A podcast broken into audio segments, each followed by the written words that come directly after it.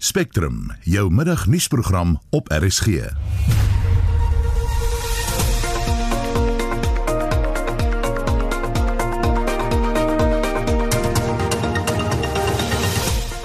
In die program die kabinet maak sy stem dik teen gewelddadige betogings wat tot werksverlies kan lei na die EFF se gewelddadige optrede by verskeie kliekswinkels die afgelope week. Die Suid-Afrikaanse Depressie en Angsgroep waarsku dat oproepe na hulle hulplyn sedert die inperkingstyd verdubbel het. Our call volumes have increased drastically with over 1,400 calls a day from people around the country who are feeling stressed, anxious, and overwhelmed. En die minister van verdediging, Nosiviwe Mapisa Nkakula, is in die spervuur nadat sy 'n ANC afvaardiging saam met haar Zimbabwe toegeneem het in 'n weermag vliegtyg. Die span in die ateljee se redakteur Marlene Forsie, produksieregisseur Lewona Bekes en ek is Susan Paxton.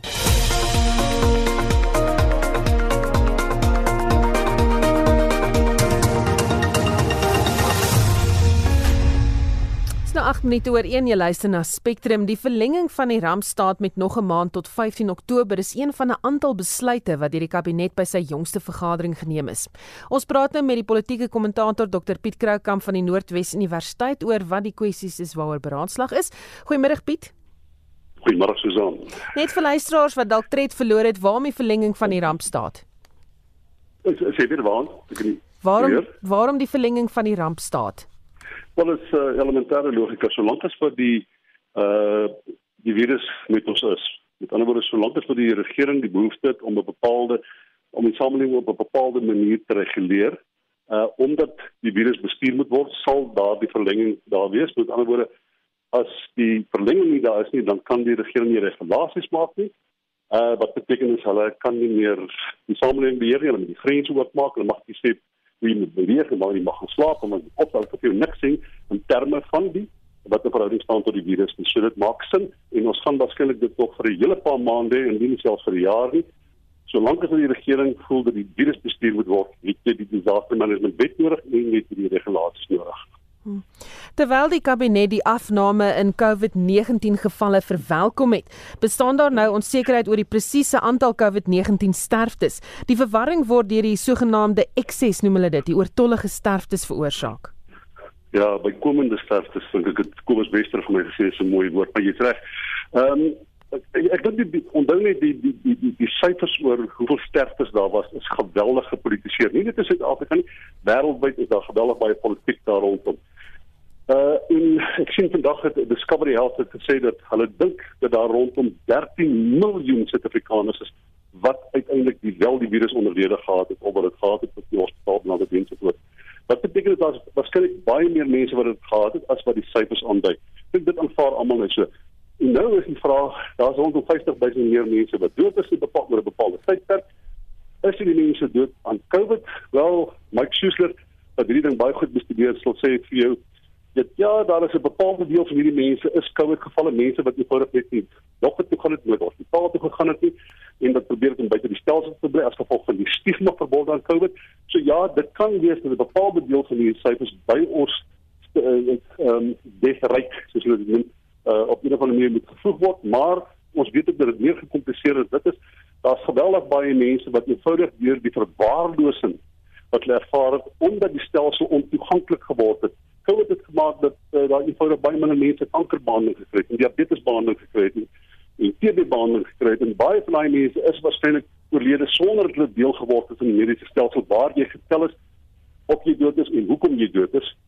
So dit dit dit dit, dit, dit is 'n syfer wat jy nie noodwendig jou vinger op kan lê en sê presies dat daardie mense wat die bykomende sterftes het werklik te doen met COVID. 'n Deel daarvan sal maar ons moet ook weet dat dit deel daarvan te doen het met die verwaarlosing wat ingetree het as gevolg van uh die fokus van die mediese gesondheidsorg op op COVID. Die kwessie van klimaatsverandering het ook weer die agenda gehaal en uh, die totstandkoming van 'n presidensiële klimaatsverandering koördineringskommissie is aangekondig. Wat gaan dit behels? Ek dink een van die redes ons in Suid-Afrika het ons nog nooit werklik op kabinetsvlak uitvoerende gesagsvlak groot gewag gemaak van klimaatsverandering nie. Maar ek dink uh, toe uh, Donald Trump onttrek het aan die Parys-ooreenkoms en die internasionale politieke golwe wat dit veroorsaak het en die nuwe gesprek wat dit veroorsaak het oor die koste van uh daarvan om klimaatsverandering te bestuur uh en uh, die effek wat dit het op lande soos Suid-Afrika vis-à-vis uh, groter lande se industriële prosesse, het dit skielik 'n tipe van 'n politieke kwessie geword in baie ontwikkelende lande. In Mexiko word bespreek, in Indië word toenemend bespreek. Dit is nou so dat dit ook deel geword het van die politieke gesprek in ontwikkelende lande en ek wonder baie as Donald Trump net een of ander manier homself uh onttrek het aan die internasionale klimaatsgesprekke of die gesprek so weet op die narrative so so gevloei in ontwikkelende lande maar ja dis dis hoogtyd dat ons doen dis 'n belangrike deel van die gesprek. Uh uiteindelik uh dink ek is daar werklike dat weet dat werklike stappe om iets aan te doen. Dit moes lankal so gewees het maar dit is ironies genoeg ek dink dis dis Donald Trump wat dit oor ons gebring het Dan het die kabinet ook sy goedkeuring gegee dat nuwe landboukolleges opgerig kan word. Waarom is dit belangrik? Dit is 'n fantastiese idee. Onthou net landbou, as jy nou kyk na die syfers, die dalende syfers van die ekonomiese groei uh, en die GDP syfer wat gedaal het, dit is nou produk gedaal het. Jy sien dat landbou die rondom 15% gestyg. Nou landbou in Suid-Afrika word al meer werklik gekommersialiseer. Daar's geweldige tegnologiese innovasie wat daar plaasvind. Dit is een van die industrieë waar Suid-Afrika werklik at the front end van van van wêreldontwikkelingsstand van industrialisasie stand van die landbouekonomie. Dit maak baie sin dat ons 'n spesifieke fokus moet hê op 'n deel van die ekonomie wat in Suid-Afrika in die toekoms 'n primêre deel van ons ekonomie sal wees. Uh mens moet dit nie sien in die konteks van onderwyskolleges en uh ander instansies wat toegemaak is, akademiese instansies wat toegemaak is oor die jare deur die regering of saam met universiteite gevoeg word nie. Hierdie het sy eie dryfkrag. Ek dink binne die tog van die visa en goeie werk in die verband. Dit is 'n poging om tred te hou met akademiese opleiding, om tred te hou met die snelgroeiende rol wat Suid-Afrika speel in die internasionale landbouekonomie. Suid-Afrika is 'n groot groot groot groot rolspeler in die Europese ekonomie, landbouekonomie. Die kabinet het ook gesê ons kan nie bekostig om werksgeleenthede te verloor deur besighede wat sluit nie. Dit was in reaksie op die afgelope week se EFF protes teen Clicks. Ja, ons het natuurlik al meer as 'n miljoen, miskien miljoen en half, selfs 2 miljoen mense dat werksgeleenthede het verloor as gevolg van COVID. Voor dit was daar al reeds 'n toename in werksgeleenthede wat uh weet beskikbare werksgeleenthede en uh, uit die aard van die saak en dit lê nie blame vir die deurdewendig van die EFF nie. Ek is nie heeltemal teen die idee van wat die EFF het. Ek dink dit was 'n geweldige onsensitiewe uh vorm van rasisme, 'n tipe van 'n white privilege wat nou weer sy sy vieslike gesig in openbaar gewys het. En ons moet weet dat hierdie tipe van aksies daarteen sal plaasvind. Dit noodsaaklik is dit moet gebeur. En dat dit prys, dit kom teen 'n bepaalde prys en het konsekwensies. Byvoorbeeld, sodat dit nou kan hê moontlik verwerk tussen Suid-Afrika. Dit wys maar net ons moet baie meer sensitief omgaan met van die goed wat ons moet daar doen. Baie dankie. Dit was Dr Piet Kroukamp van die Noordwes Universiteit. Onthou Sondag aand in kommentaar sal die paneel bestaande uit professor Amanda Gous, Ingrid Jones en Jan Jan Nieuwberg van die kabinetsbesluite verder deurtrap. Die Suid-Afrikaanse Depressie en Angsgroep gister op Wêrelddag um, vir die voorkoming van selfdood gesê die aantal oproepe na sy hulplyn het verdubbel te midde van die koronaviruspandemie en nasionale inperking. Vincent Mofokeng doen verslag. Sadag sê dat hy sedert Januarie oorval is met oproepe, boodskappe en aanlyn kommunikasie van desperate mense wat hulp en raad soek. Die bedryfsdirekteur, Cassie Chambers, sê hulle ontvang ook baie oproepe van jong mense. What we've even just seen during COVID, our call volumes have increased drastically with over 1,400 calls a day from people around the country who are feeling stressed, anxious, and overwhelmed. Uh, we're finding so many young people, teenagers, young people at universities, just really struggling and not coping with the impact of COVID and just their overall mental health and really just desperate for help. We're also very aware that our healthcare workers need a lot of help as well. And we've seen the reports of even suicides amongst our important healthcare workers. It's really important that we talk about these topics to encourage people to get help and know that it's okay not to be okay and that help is available. Just since January till August, SADAG has received over 270,000 calls from people needing help for their mental health issues and a further 55,000 calls to the suicide helpline. Sadag sê die inperkingsregulasies wat mense tot isolasie gedwing het en hul gewone ondersteuningsnetwerke verwyder het, het dikwels tot oorweldigende eensaamheid gelei. As a country, we've never dealt with this global pandemic that happened really fast. We went into lockdown. We were told not to go out, not to see family and friends. And as South Africans, we're very social. We are very uh, connected with people around us. and it's in, you know increased loneliness and people feeling alone. Also, the impact of COVID on people's work, financial status. You know, people have lost jobs, they've been retrenched, they're battling to put food on the table or a, a roof over their head. All of this and dealing with it for so long, over five months, has a huge impact on people's mental health.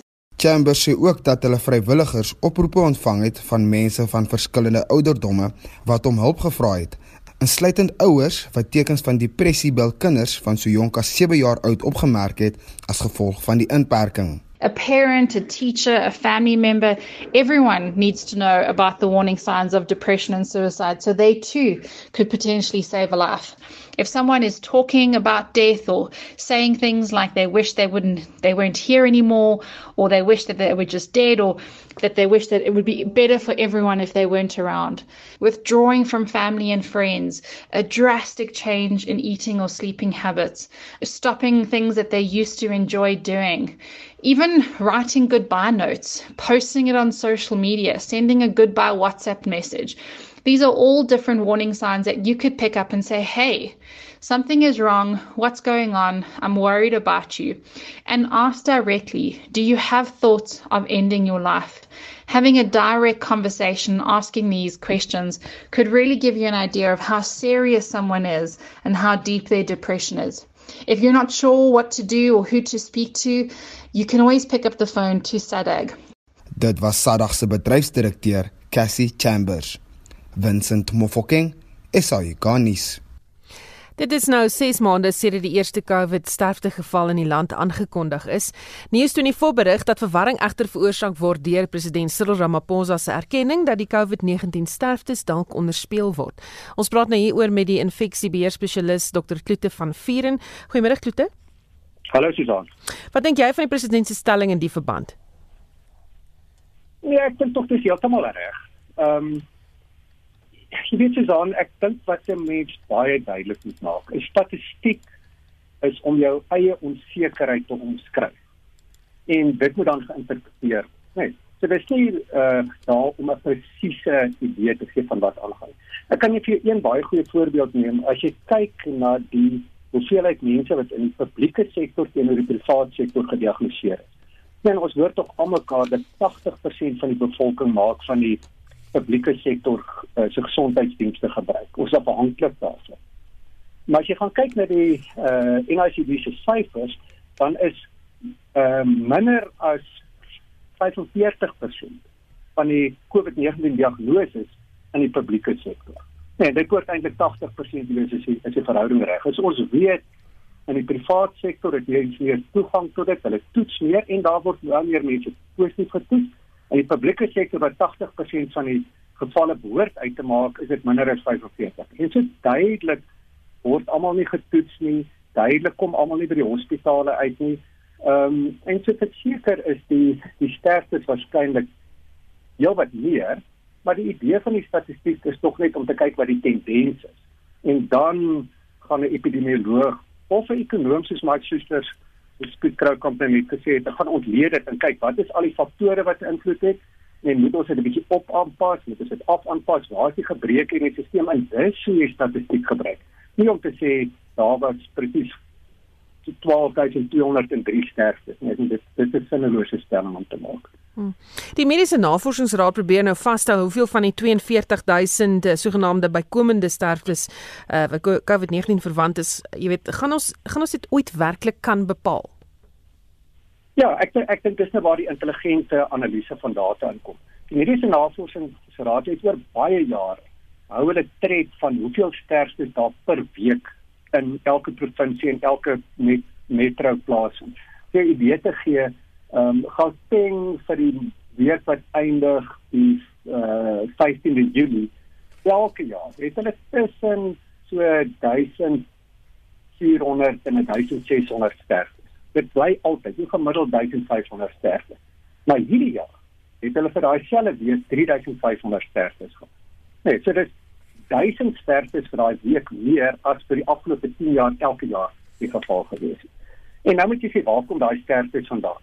En as elke pasiënt met COVID-19 getoets is wat dood is daarvan, dan moet daai dan moet jy baie mooi kon presies dieselfde sien. Ons het Piet Kroukamp ook gesê, ons weet baie van daai sterftes is ou wat borskaspyn kry, wat te bang is om hospitaal toe te gaan want dan nou kry COVID-19 daar en en dan gaan hy van hartaanval by die huis. Dit so daar's ander redes ook hoekom die sterftes meer is en mens sal moet kyk daarna. Maar dan weet ons daar sekere goed dat daar was baie minder motorongelukke, daar was baie minder moorde. Ehm um, en jy moet al hierdie goed in ag neem as jy probeer uitwerk wat die presiese oorsaak is. Wat ons wel weet en jy weet vir elkeen wat my sê maar jy weet wat van die griep ehm um, in 2009 was ek betrokke by die by die H1N1 uitbraak en as ons twee of drie pasiënte op die einde in die ICU gehad het, ja, maar sê jy seker nou nie so goed nie, maar dan was dit baie. En ehm um, jy weet die afgelope tyd was ek betrokke waar ons op 'n stadium ehm um, 20 pasiënte in twee verskillende ICU's op ventilators gehad het en soms nie plek het vir nuwe pasiënte. So jy weet, daar's duidelik is dit 'n baie groot toename. Ons sien dit aan die ekstra sterftes wat hulle aanmeld. Uh ons sien dit aan die druk wat daar op die hospitale was. Um om te presies te gaan uitwerk hoeveel is COVID-19, hoeveel is gebrek aan toegang en hoeveel is mense in die in die in die uh publieke sektor wat eenvoudig net nie by hospitale uitkom en by die huis doodgaan sonder dat hulle ooit getoets is. Daar moet jy net baie mooi gaan navorsing doen en analiseer en dan sê luister, hier is ons stelsel gebrekkig, ons moet daar verander op dit. So ek ek ek, ek het geen probleem uh, met wat die president sê. Jy weet as jy kyk in Indië byvoorbeeld sê hulle tot uh, amper 15-20% van mense wat in Indië gaan dood gaan kry nooit 'n doodsertifikaat nie. En minder as 22% van doodsertifikate in Indië uh, het geen oorsaak van dood op nie. Ek dink ons is ons het 'n baie beter stelsel as dit, maar in enige stelsel is daar hierdie onverklaarbare ekstra sterftes en dit gaan 'n epidemioloog of 'n ekonom in die navorsing en verklaar dit vir. Hm. Sover lyk dit of die aantal getalle afneem, maar is dit die stilte voor die storm? Ja, ek dink ons praat van die begin af van die tweede piek. Ehm um, ek dink jy weet as mens praat van 'n tweede piek het almal hierdie idee van ons het nou een keer het ons die siekte gekry nou gaan ons dit die tweede keer kry.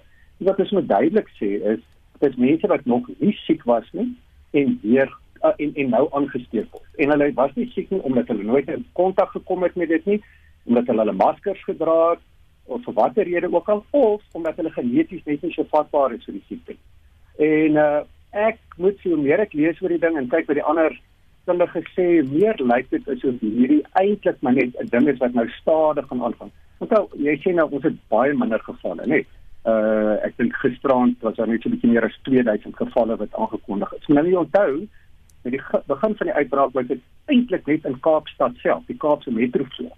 En as jy nou daar 500 of 1000 gevalle gehad het vir daai klein populasie, was dit 'n massiewe Nou sit ons die uitbraak is oor die hele land is waarskynlik nog besig om in 'n popo te versprei of 'n toets net eenvoudig glad nie.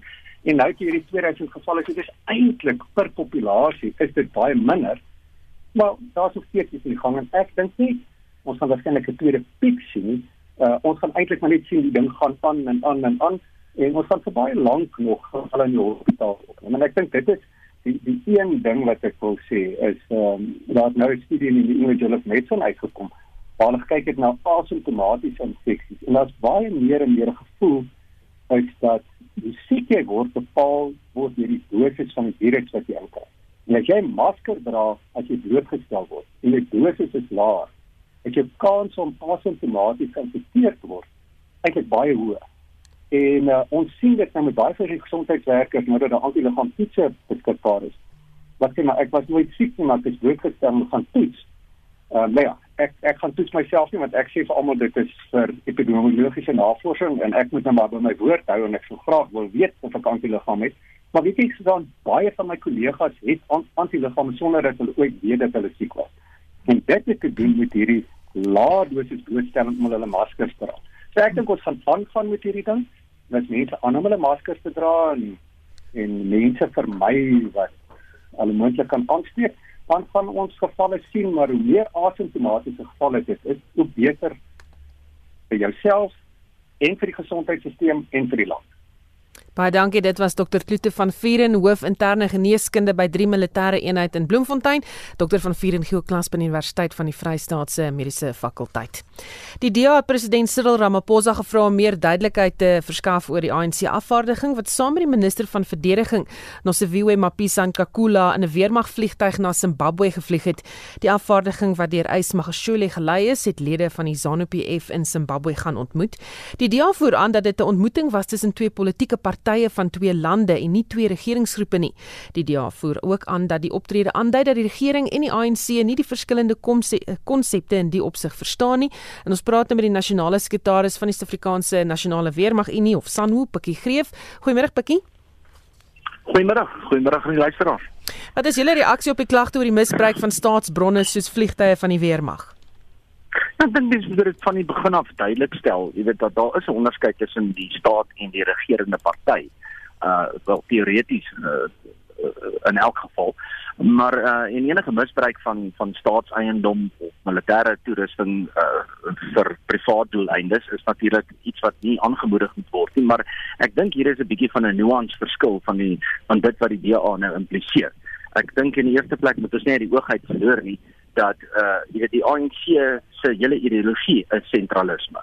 Uh so daar is regtig tussen vir die ANC regering en die partye is daar nie regtig onderskeid tussen mekaar nie. Um en dis 'n realiteit waarmee ons leef in in ons demokrasie. Uh mense hoef nie daarvan te hou nie, dit is nie die realiteit. Uh maar kom ons kyk na die die praktiese uh, uh feite rondom hierdie saak. En dit is dat wat is die doel van hierdie vlug? As die doel daarvan was dat die ANC uh, afvaardiging en die ANC afvaardiging sal nooit suits doen sonder die regering van die ANC se goedkeuring nie.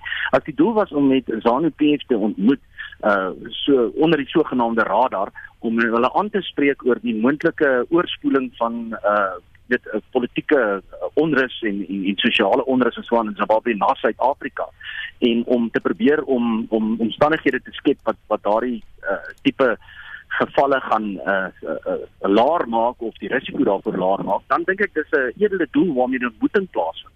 Dan is die volgende vraag natuurlik, uh, hoe hoe moet hierdie ontmoeting dan nou uitvoering gegee word gegee die pandemie en die uh beperkings op reisreëlings? En dit maak eintlik baie sin dat uh so 'n ontmoeting as dit die doel daarvan was, uh of die reisings daar rondom uh, gaan saam met die ministers en onthou daar was twee ministers in hierdie hierdie uh afvaardiging daar was nie net een minister nie uh saam met die ministers reis want dit is hoe ministers vervoer word. Hulle word tog deur lugmagvoer uh vaartuie en voertuie en vliegtuie vervoer. En uh, as dit die mees ekonomiese en praktiese manier was om uh noem dit nou maar 'n edele motief uh, na te streef dan dan dink ek nie 'n mens moet noodwendig op die op die uh jy weet die trein spring van dis nou misbruik van van van staatseiendom.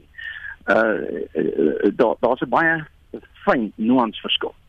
Gaan julle enigstens die saak verder laat ondersoek? Ek dink dink dis sien ek dink die die vraag waarmee die publiek eintlik opgeskep het sit en en ek dink die die regering en die dit selfs die ANC ook is is die publieke antwoord verskuldig in die sin dat uh, die die vraag is daar is baie belangrike uh, uh reëlings en protokolle rondom privaat individue wat gebruik maak vir watter rede ook al van uh militêre vaartuie, vliegtuie en voertuie.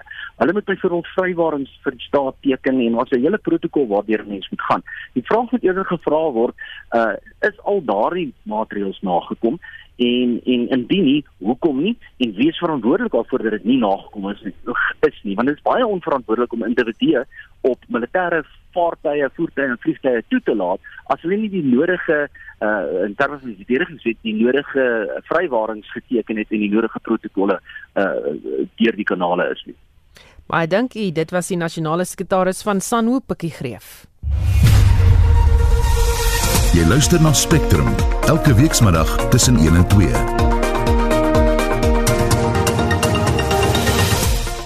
Later in die program die kredietgraderingsagentskap Moody's waarsku dat die impak van 'n daling in belastinginkomste nie onderskat mag word nie.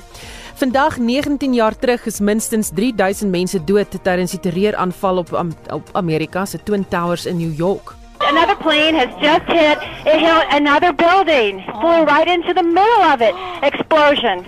It's right in the middle of the building. En die suintjiebedryf in Suid-Afrika het ten spyte van droogte en ander uitdagings in die land gegroei. Bly ingeskakel. Daar is geen verkeer.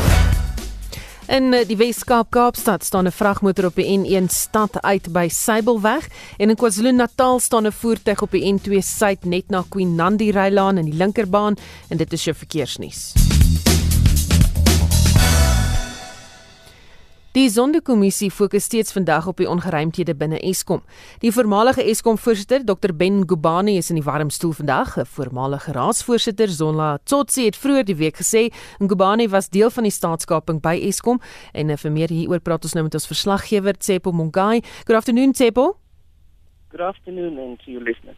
How did Ngubani respond to Tsotsi's claims? Well, uh, Mr. Ngubani um, uh, in, um, indicated that um, most of the uh, there was an influence from government in most of the decisions that they were making, but he was asked a question around the email correspondence that uh, he's been receiving purporting to influence decision making on certain contract in the company. And then his answer was that he never shared any influ- uh, any information or uh, had any dealings with uh, an outside business, uh, especially uh, Salim Essa. And he said that uh, he was just he had just known Salim Issa. there was a, a possible deal that they were going to business deal that they were going to do together, but it fell through, and they've never had any dealings. Uh, but what was very questionable about his evidence was the fact that the correspondence was coming from a businessman, and he denied that the email was from a, a businessman. Uh, in fact, he said that he was from the Director General of the Public Enterprises, Richard Selika. Uh, despite the fact that uh, uh, the email was uh, pushing for certain deals. It was very detailed about uh, the, the sharing or, or the, the, supply of coal uh, favoring uh, Dageta and OCM. Uh, but he flatly denied that um, it was from the businessman, and he said that he too was surprised that this particular email, um, which he says is from the uh, former Director General of Public Enterprises, uh, actually was pushing for certain contract to be allocated to a certain to favor certain companies, uh, uh which uh, mainly had links with the Guptas. Baie dankie dit was die SAK se verslaggewer Tsepo Mungai. Die kredietgraderingsagentskap Moody's waarsku dat die daling in belastinginkomste 'n baie groter impak op die land sal hê as wat die impak van die staking van ekonomiese aktiwiteite op die ekonomie gehad het. Moody's het verder gesê dat die verlies aan inkomstebelasting nou reeds 'n geruime tyd 'n probleem vir Suid-Afrika is. En ons praat met die ekonom van CH Economics Dr. Chris Harmse. Goeiemôre Chris. Goeiemôre Susan. Waar presies is Moody's bekommerd? Susan, basies op drie drie vlakke. Hulle sê dat die tekort kan van aan inkomste kan 22% uh van die BBP wees in fiskale boekjaar. Ek dink die aanvanklike begroting was hier omgewing ongeveer so 15 tot 16%, so is heelwat meer. Uh hulle sien dit op drie vlakke. Die eerste een is logies, daar was natuurlik 'n baie skerp afname in ekonomiese aktiwiteit uh in die tweede kwartaal. Dit is 'n ekonomiese groei syfer gesien. Uh, dit beteken dat dit 'n baie laer uh, belastingbasis uh as gevolg van die uh, verlies aan werk en ook 'n bietjie verlies aan aan inkomste van maatskappye en maatskappye wat ons gesluit het. En dan uh en dan die derde ene is natuurlik was ook 'n belastingverligtings. Uh wat gegee is aan maatskappye tydelik en dit natuurlik gaan die staat se inkomste verminder. So hulle gebruik dit as die die hoofrede hoekom hulle reken dat die staat se inkomste gaan baie meer wees as wat die ekonomie gaan daal. Met ander woorde die ekonomie uh dit lyk vir my hulle verwag ons gaan so 'n inkrimping van so by die 10% kry. Uh en dan dan natuurlik die inkrimping in die staat se inkomste so uh 22.6% van die BBP gaan wees. Uh en natuurlik dan meer as wat aanvanklik verwag is. Ek is natuurlik nie so pessimisties nie. Vertel vir ons hoekom nie. Ek dink Susan twee goed ek dink nie die ekonomie gaan krimp met 10% nie. Ek is een van daardie wat dink die ekonomie gaan krimp met tussen 5 en 6%. Uh die rede hoekom ek dit so sê, uh die landbou en die mynbou sektor gaan weer eens baie beter doen as wat ons gedink het. En daar is heelwat van die ander aanwysers wat begin klaar deurkom soos die aankope bestuursindeks, uh die uh verbruik verbruikers en die uh um um besigheidsvertroue indeks wat besig is om te begin toeneem. Ek dink ons gaan vinniger vlak 1 toe gaan as wat ons gedink het. Ek dink die wêreldekonomie herstel ook vinniger as wat ons gedink het. Uh so uitvoere dink ek gaan baie sterker toeneem as wat ons gedink het en so met ander woorde die ekonomie gaan vir my in die tweede gedeelte van die jaar vinniger aan die gang kom as wat ook aanvanklik verwag is en ek is dan seker dat as jou ekonomie nie met minus 7, 8 of 9% groei nie, maar net met minus 5%, daai 2% 'n groot verskil gemaak op belastinginkomste. En jy weet die ouens moet nog betaal in belastinginkomste tot volgende jaar in Februarie. So daar is nog 'n baie lang tyd oor. Uh waarna ons ek sal nie sê heeltemal normaal toe gaan nie, maar ek dink dan nie uh dat ons inkomste gaan so ver val nie. Baie dankie, dit was ekonom van CH Economics Dr. Chris Harmse. 1344 jy luister na Spectrum die Rosyntjie bedryf in Suid-Afrika het ten spyte van droogte en ander uitdagings in die land gegroei. Ferdi Botha van Raisins SA in Appington in die Noord-Kaap sê die 2020 oesjaar was weer 'n rekordjaar vir die bedryf. Van 'n produksie oogpunt het die Suid-Afrikaanse rosyntjiebedryf oor die afgelope 8 jaar verdubbel in grootte met die 2020 oesjaar wat uh, dan ook die 4de agtereenvolgende rekord oes opgelewer het. Aan die vraagkant beleef ons Suid-Afrikaanse produk goeie aanvraag vir beide ons internasionale sowel as ons plaaslike markte.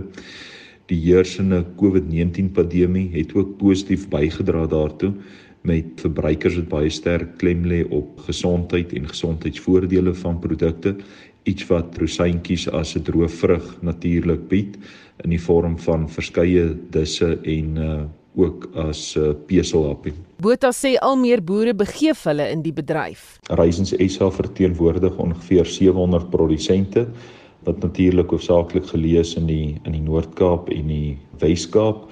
Die Noord-Kaap produksie vind meer spesifiek plaas van Boegoberg Dam tot by Marchant Grabies. Dit verteenwoordig so nagenoeg 90% van die bedryf tweede gebied van produksie is dan um, in die Wes-Kaap wat Olifantsriviervallei insluit spesifiek uh, Vredendal en Van Reinstorp. Definitief het die bedryf gegroei in terme van opkomende produsente wat deelneem. Tans is daar ongeveer 120 uh, opkomende produsente wat deelneem in ons bedryf en wat ook oor die afgelope 5 jaar sterk gegroei het saam in die bedryf in terme van volumes. Hy sê nie net brei die mark na die buiteland uit nie, maar selfs op eie bodem is daar groei. Ons is hoofsaaklik uitvoer georiënteerd met meer as 80% van ons finale produk wat bestem is vir uh, verskeidenheid van internasionale markte. Ons is egter baie opgewonde oor ons binnelandse mark en die groei daarvan oor die volgende 3 tot 5 jaar.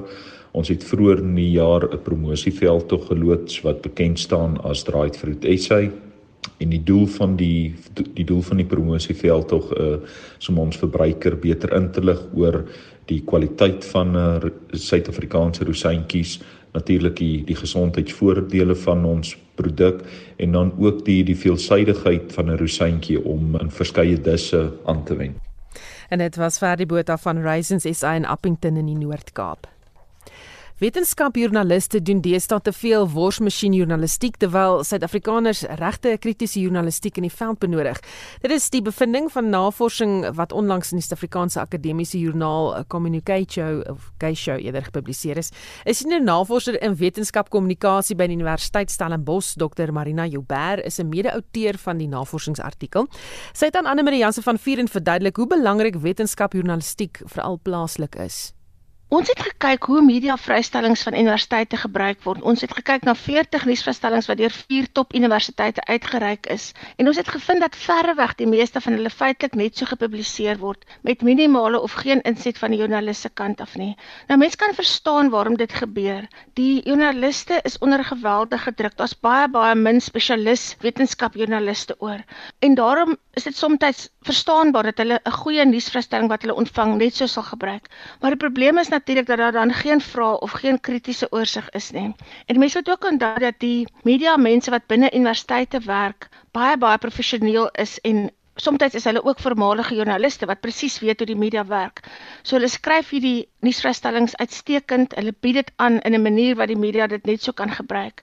Maar as dit dan die manier word wat wetenskap in die media verskyn sonder dat die joernalis enige verdere vrae vra, kan dit moontlik problematies wees. Mense wil baie graag hê dat joernaliste eerder die nuusvrystellings moet gebruik as 'n beginpunt om verdere vrae te vra. Dit moet 'n katalis wees om hulle eie hoek te kry en om spesifiek dit vir hulle eie lesers relevant te maak mens verstaan dat daar baie probleme en druk is in die media en dat dit die rede is waarom die persverstelling soms net so gebruik word maar as dit dan die geval is moet dit ten minste vir die leser duidelik wees dat hierdie storie kom van 'n ander bron. Dis nie deur 'n joernalis geskryf nie. Wat 'n mens dan kan sê as jy dan nie tyd het om jou eie storie te skryf nie en jy wil graag 'n nuusverstelling net so gebruik maak dit ten minste duidelik vir die leser Hoekom sou jy sê is wetenskap journalistiek so belangrik veral in Suid-Afrika? Ek dink dit is baie baie belangrik omdat wetenskap journalistiek onafhanklike vrae moet vra en die belange van die leser of die kyker of die luisteraar moet dien. Joernaliste moet bietjie weier kyk. Hulle moet nie noodwendig met alles saamstem wat instansies vir hulle sê nie. 'n Mens kan jouself daarin dink dat as 'n nuusvrystelling van 'n universiteit afkom, is dit miskien nog aanvaarbaar om dit net so te gebruik alhoewel ek dink jy moet aan ten minste erkenning gee dat dit gebruik word net so van 'n instansie afkom. Maar as die uh, nuusvrystelling bevoel van 'n industrie afkom, miskien 'n farmaseutiese maatskappy of 'n mynmaatskappy, dan wil 'n mens nie graag hê dat joernaliste dit net so sal hergebruik sonder dat hulle enigsins vra vra of daaraan werk nie. So 'n mens moet die prestasies van wetenskap vier, maar joernaliste moet ook kyk en vra vra waar dinge moontlik verkeerd loop. En ons weet in 'n land soos Suid-Afrika is dit nodig dat daar 'n kritiese oog moet wees op hoe die belastingbetalers se geld byvoorbeeld gebruik word. Want ons moet onthou dat baie navorsing in Suid-Afrika by verre weg die meeste word met openbare befondsing gedoen. En ek dink die kritiese oog van die joernalis is absoluut noodsaaklik 'n onafhanklike kritiese oog. En dit was Dr Marina Joubert, navorser in wetenskap, kommunikasie en journalistiek by die Stellenbosch Universiteit. En sy het met Anne Marie Jansen van Vieren gepraat.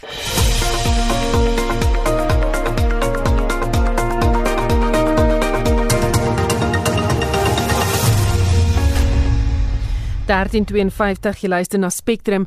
Die jaar sal die twee kolomme lig ter herdenking van die wat vermis is na die 9 September 2001 terreuraanval op die Twin Towers in New York nie aangeskakel word nie.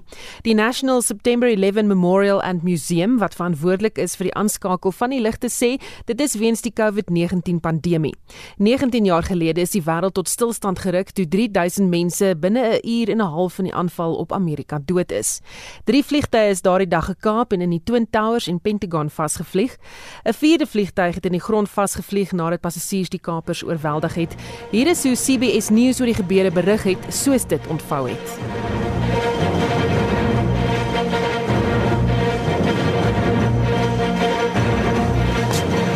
It's 8:52 here in New York. I'm Bryant Gumbel. We understand that there has been a plane crash on the uh, southern tip of Manhattan. You're looking at the uh, World Trade Center. We understand that a plane has crashed into the World Trade Center. We don't know anything more than that. We don't know if it was a commercial aircraft.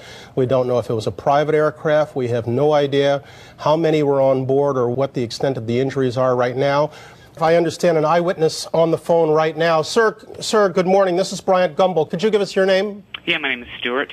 Stuart, where are you right now? I'm working at a restaurant in Soho. All right, so tell us what you saw, if you would. I literally, I was waiting at a table and I literally saw a it seemed to be like a small plane.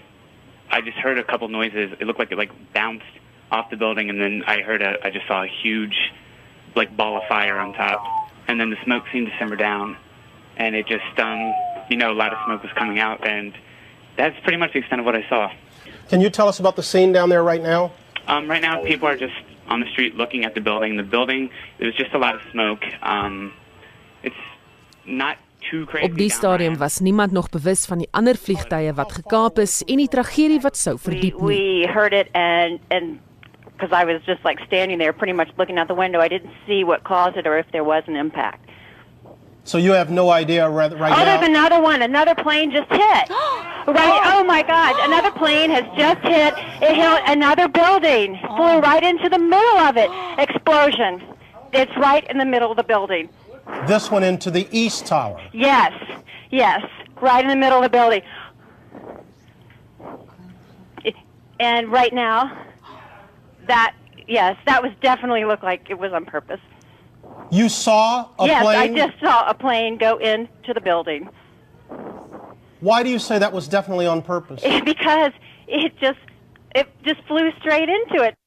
Is looks like it's about uh, I would say 15 floors lower than the first building, and there's now flames coming out of that building as well. They're both completely on fire. Now, Teresa, hang on with us one second. We're going to uh, we're going to re-rack the tape.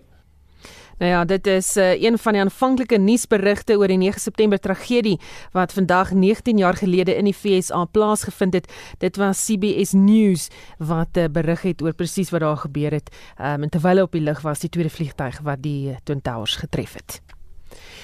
Die Toronto Internasionale Rolprentfees is onderskoot omdat dit op die laaste nippertjie besluit het om wel gaste van die fees gesigmaskers te laat dra. Kenners meen dit is absurd dat die feesorganiseerders nog tot Woensdag te kenne gegee het dat gesigmaskers opsioneel is. Internasionale media is ook gevra om eerder tuis te bly en die fees virtueel by te woon. So verduidelik 'n filmstudies dosent by die Universiteit van Pretoria, Dr. Chris Broodryk. Hy het vir Anne Marie Jansen van Vieren gesê ten spyte van die onmin bly Toronto een van die belangrikste grootste feeste in aanloop tot die sogenaamde Oscar toekenningsseisoen. Dit word beskou as die fees wat amptelik die klok lui en dan die aankondiging is van die begin van jou toekenningsseisoen en so dit is 'n baie baie belangrike fees dis 'n hoogtepunt op talle kritici en rolprentmakers se kalenders en dit is die tipe fees wat jy na opkyk om te kan sien hoe hulle hierdie krisis hanteer en hoe hulle dan nou te werk gaan om wel mense in teaters daar in Toronto te hê. Hulle het dan op heel omstrede wyse besluit om 'n vroeër besluit wat hulle oor maskers geneem het om te keer en om te sê nee wag, daar is weer bietjie probleme in Ontario, daar's mense wat weer siek word en simptome wys, so ons gaan van mense verwag wat flieks kom kyk as deel van die fees om wel heeltyd met 'n masker aan te sit. Die Toronto Filmfees vind gedeeltelik aanlyn plaas met veral joernaliste wat aangemoedig is om dit eerder van die huis af dop te hou, maar tog is daar ook vertonings wat soos mense sou sê in lewende lywe plaasvind met veral die akteurs en rolprentmakers wat dit bywoon. Wat dink jy van hierdie konsep? Dis natuurlik een ding om 'n fliek in jou sitkamer te kyk en heeltemal iets anders om in 'n rolprentteater te sit met perfekte beeld en klank. Ons het nou al klaar gesien die bekende video teen hierdie tyd nou al van Tom Cruise wat hy gemasker en al sit en na Christopher Nolan se Tenet kyk. 'n Heel omstrede video omdat baie kritici ook gesê het, "Tom, dit is nie nou die tyd om vir mense te sê moenie bangbroek wees nie, gaan fliek, gaan gerus, dra net 'n masker." Ons het byvoorbeeld gesien by die onlangse Venesiese filmfees waar daar mense was wat nie maskers gedra het nie, waar sekuriteit moes ingaan in die teater en vir iemand moes vra om asseblief nie haar masker heeltyd af te haal sodat sy gemakliker kan hoes en haar neus kan blaas nie, nie in hierdie tyd nie. So dit bly riskant en dit is nou inderdaad ook so dat die filmfeeste wat plaasvind tussen nou en die einde van die jaar wat natuurlik die beroemde Toronto Internasionale Kunstefees insluit, 'n tipe toetsarea is om te kan sien tot watter mate mense in 'n teater kan gaan sit met afstande tussen mekaar om te sien gaan mense dan nou nog fliek. Dit is daardie kollektiewe kykervaring wat ons ook mis. Verduidelik vir ons wat is hierdie kollektiewe kykervaring? Dit is daardie belewenis wat baie kritici altyd met baie passie en liefde oorskryf waar jy uit die teater stap en jy het pas Gravity gesien van Sandra Bullock en ek kan onthou destyds het die mense geskryf hier is die fliek wat skoonskip gaan maak by die Oscars. Nou ja, dit het amper so uitgewerk, maar die punt is jy was deel van 'n gehoor van 'n groep mense en jy kon aanvoel aan die energie van hierdie spesifieke ruimte dat jy deel is van iets spesiaals en dit is daardie ek wil nou amper sê transcendentele element van die fees spesifiek nie net om te gaan fliek nie maar van die feeskonteks op sigself wat ons nou op hierdie stadium kan geniet nie Dit was Dr. Chris Broodryke, rolprent dosent by Tikkies en hy het met Anne Marie Jansen van Vieren gepraat. Hiermee groet ons namens ons waarnemende uitvoerende regisseur Wessel Pretorius en ons medewerkers Anne Marie Jansen van Vieren en Heinrich Weingart. Die span in die ateljee vanmiddag is redakteur Marlenae Forsie en produksieregisseur Lewona Bekes. Onthou om ons te volg op sosiale media platforms en as jy weer na vanmiddag se bydraes wil gaan luister, kan jy RSG se webtuiste besoek by www.rsg.co.za en dan soek jy net vir Spectrum 11 September. Nou ja, daarmee groet ek ook. My naam is Susan Paxton. Geniet jou naweek.